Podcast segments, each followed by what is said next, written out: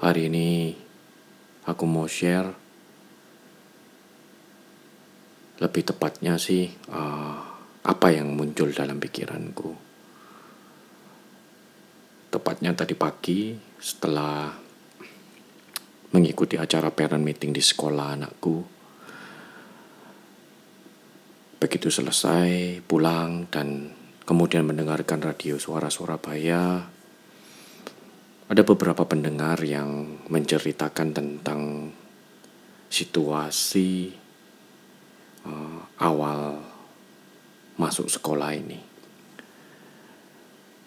Ya, hampir semua sih secara online dan tiba giliran salah satu uh, pemerhati pendengar suara Surabaya itu menceritakan bahwa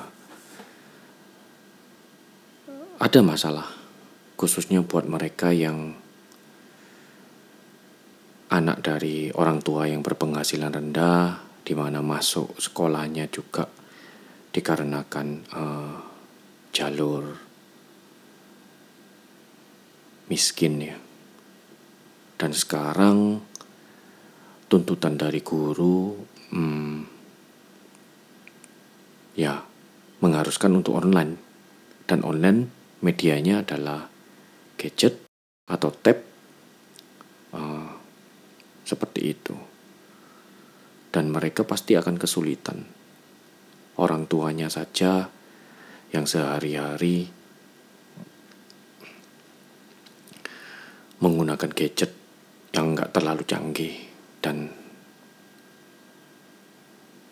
hidup juga pas-pasan. Dari sana saya mendengar sedih dan langsung muncul pemikiran. Sebagai seorang Kristiani, yang muncul dalam pikiranku adalah aku sebagai gereja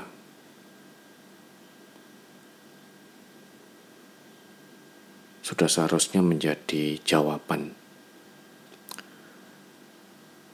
Tetapi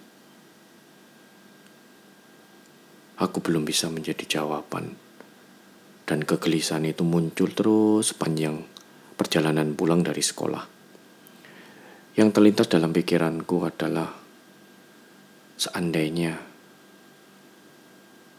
organisasi gereja di mana jemaatnya yang begitu banyak mau menyediakan ya tempat, fasilitas, laptop, dengan mengikuti protokol kesehatan yang ketat, mereka menyediakan uh, sarana pembelajaran untuk laptop, kemudian gadget, di mana murid-murid yang berkekurangan bisa datang, kemudian belajar di tempat dan tidak membawa pulang laptop dan tablet dan gadget yang disediakan oleh gereja.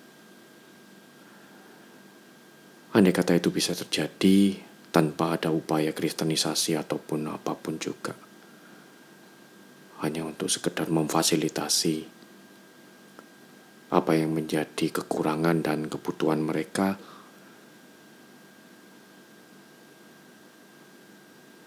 Indah bukan? Saling membantu dengan segala resiko yang ada, tetapi minimal dengan tujuan untuk memberkati dan menjawab salah satu permasalahan, yaitu ide yang atau yang terlintas dalam pikiranku. Apakah itu mungkin dilakukan? Bisa dilakukan, tetapi ya kembali ke masing-masing orang. Dan untuk pribadiku, aku merasa aku mendengar Tuhan berbicara dalam hatiku. Ayo dimulai aja. Dari orang yang terdekat, yang dikenal, cari satu orang untuk mulai dibantu dengan apa adanya, dengan kekuatan finansial yang ada dan yang pasti berdasarkan kesepakatanku dengan istri.